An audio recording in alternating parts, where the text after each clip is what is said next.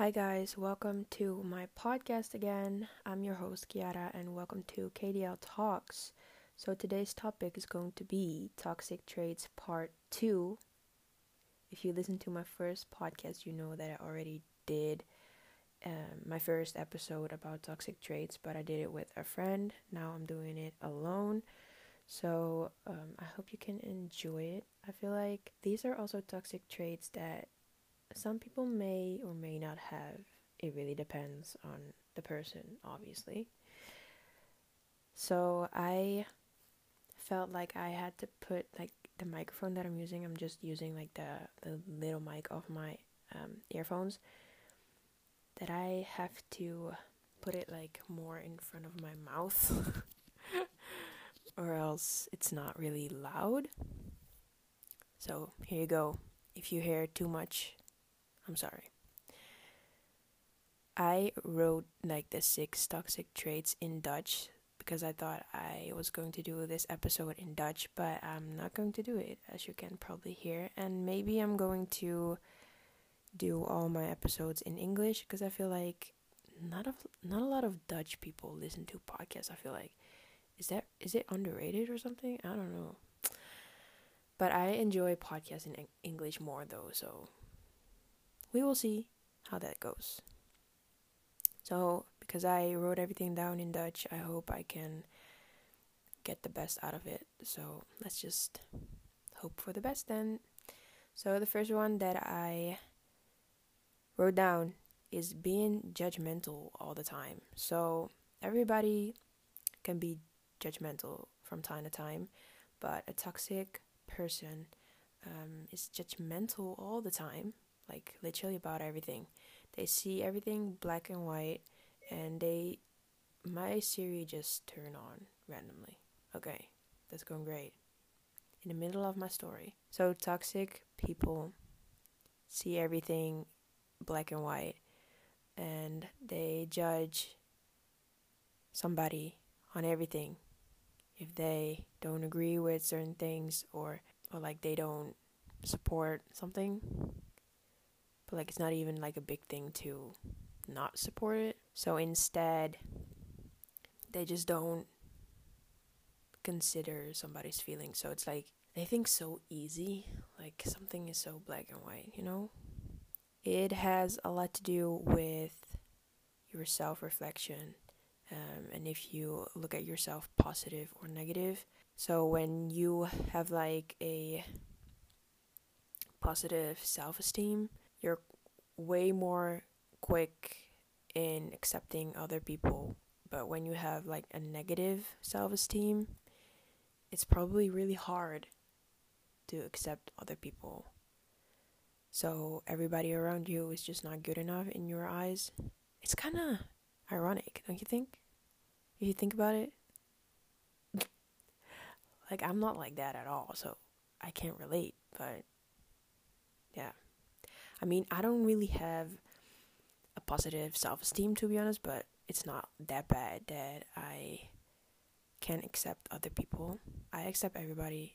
I don't care if you're black, white, um, thick, skinny, fat, dumb. no, I'm joking. I don't care how you look, who you are. Everybody, nobody's the same. That's just it. Like, if you have a negative self esteem, it's you're just judgmental, and I feel like you don't even have to uh, like have a negative self esteem to be judgmental. I'm, but if you're going like so far that you're just driving other people crazy, but also yourself, it's it's very deep. Um, so a few signs um where you can see if somebody is judgmental is when um, you think everybody you think everybody thinks bad about you. Um, you expect that other people always stay the same. So if they do something and you will never forget it, you don't think people are able to change, and you find it hard to look further in somebody's than somebody's um, bad things. So maybe I like did something to somebody, but that person is just so judgmental, so he can't even think further than the actions that I did, like once. I don't really like judgmental people to be honest, but that's just my opinion. I feel like there's no reason to be judgmental because everybody is different. You can have opinions though, but you can't judge somebody just. For example, like I knew a lot of people a few years ago who were really judgmental on people, their um, looks. So, um, there was this somebody I'm not going to say who it was, obviously, but this person was so quick in saying, like, um, she looks so um, arrogant. Right, that's the word that I was looking for. She she probably is mean. That's that's a really big judgmental thing that happens a lot here. I feel like. Am I the only one who thinks that? I feel like that's so how can you be like that? You just literally see someone and they probably look like something they they look at something or someone but they don't really give like a face a facial expression but more like the natural face i mean if you see my natural face if i look like around me when i'm alone people will definitely think I'm like acting high class or something, but that's just how I look when I'm with nobody. Maybe I look really mean, but I'm definitely not. But like a toxic trait is just that you're judgmental because you don't even know how I am. And I really struggle with that. Like people took like the information from from like people that I hang out with um, but later on, we didn't have contact anymore. So these people knew me, kind of, sort of, not really, because why do you think you know me? After like hanging out a few times, and then these people were thinking like, I mean, I think they thought this way, like. I don't have contact with her anymore, so I'm going to talk really bad about her. And then people are so quick in judging somebody after the information that they're getting about me, but you don't even like get the information from me, but from somebody who I don't even have contact with anymore. And so you're just believing all those bull crap that somebody's t- like talking about about me. Like that's not fair at all. And that says more about you as a person than about me because I I'm going to be honest, I'm a really kind person, but if you're acting like that, I'm not really kind anymore because you're just believing things that's not even coming out of my mouth, but from somebody who's probably the toxic person itself. So let's move on, shall we? I can talk about a lot from this one. So the next one is not listening to somebody. And I find this one really hard if somebody is just not listening to me. I'm a really good talker, but I'm also a really good listener, so I don't really have this toxic trait at all. Um, I kind of act like I'm like a really good person and I don't have toxic traits. Obviously, I do. If you listen to the first episode, then you know. If you didn't, please listen to episode one. That was really fun. Soon I'm going to do another episode with somebody, so please wait and continue listening to my podcast. so, not listening to anyone is just really respect like disrespectful. I feel like in my opinion, you just it's just so disrespectful if you don't listen to somebody if they talk about certain things that really that's really hard for them to talk about in first place so every good relationship is based on sharing things and listening to each other. And um, toxic people never heard of that probably. So when you're sharing your story with somebody, then that toxic person has like zero attention for you. Like they just actually don't even listen to you, but they act like they're interested in what you're telling them that's pretty sad and that's that's definitely cause causing like uh, trust issues yeah if somebody if you meet somebody like that i don't really want to say this because it probably sound really harsh but just don't even talk to them anymore because you you need friends that listen to you. Why do you have friends who don't listen to you? That's makes no sense to me. You need friends so you can talk to them about everything, right? That's what friends are for. So, before you know it, you get interrupted and he or she changes the subject and they turn the whole conversation about things that they are interested in and not what you wanted to tell them. It's very toxic if you ask me. That's, um, in one word, disrespectful. You just have to listen to somebody because they trust you to tell certain things that's hard for them and you just turn your back to them. Yeah, I, I get I already have trust issues. Like, I don't trust people that fast. But if you act like that, that's definitely not going to help at all. So, please, if you feel like you don't listen to somebody a lot, just try it. Try to open up more. That's really helping for your relationship as well. And not even like in a affection way, but like a friendship doesn't even have to be a relationship. That's that. Do I have to say more about it? You need to win every discussion that you have. Yeah, I kind of had that a few years ago. It's just because most of the time I'm always right. And I'm not saying that just because to prove myself or something, but literally, I'm just always right most of the time. Not always, but most of the time. And I'm not even like trying to win the discussion. It's just straight up facts and I can't really say more about that. That's just that's just it. Point blank. But like as a toxic trait, I feel like you're just really trying to survive in the whole discussion and you're trying to find excuses or like random stuff to prove that you are right in the whole discussion. I don't really do that. I just point out the things that are actually like the truth. As a toxic person, I feel like you really like pulling out everything out of your closet just to win the whole discussion. I don't know what is about. Like it can be about everything, but a discussion is never like positive. Somebody always have to win. Right? Or do I think wrong?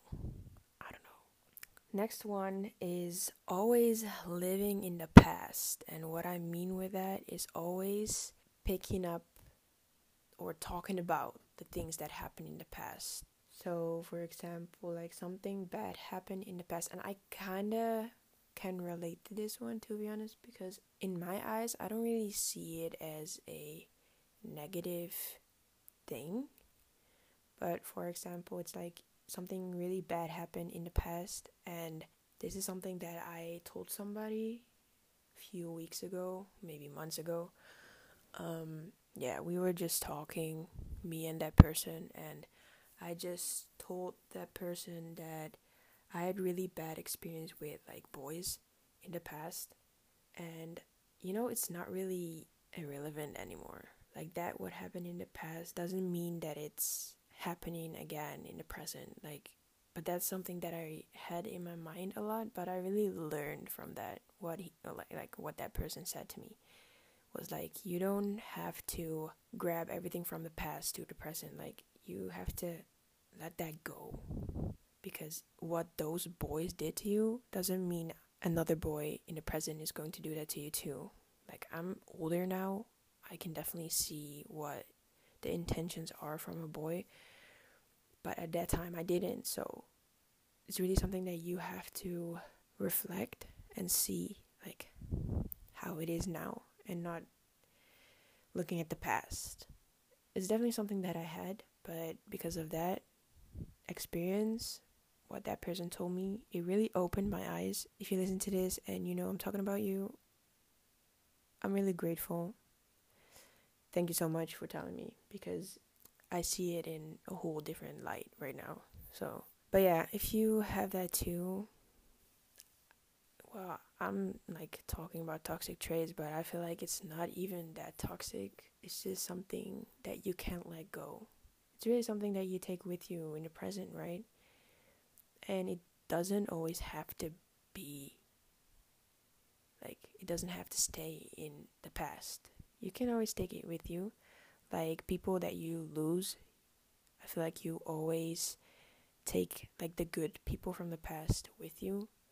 But the negative things are those things that you need to let go. To try it. I feel like there is a lot on the internet about this, so if you have the time, look it up. It's worth your time. So the next one is being dependent on a relationship or friendship to be happy or to find happiness. Well, if that's the case for you, that's really uh, yeah, this is a really bad thing. Like you don't you don't need to be in a relationship or having a friendship to find your happiness. You can find your happiness in things that you do on a daily and it like happiness you do not find happiness only in people. Like I mean, I'm happy when I see my parents. I'm happy to see like good friends, but happiness in general doesn't come out of a person. You have so many things around you that can make you happy, but that's just something that you don't see as a toxic person. I'm sorry if you have that, but trust me, open your eyes bigger and you see so many things that can make your happiness bigger. For me, um, I couldn't really find my happiness to be honest, but I am really inspired by a lot of people nowadays, and I really found my happiness in drawing, in doing this podcast, in making videos, taking pictures, in shoes, in clothes, in um, like painting. Just being creative is something that makes me happy.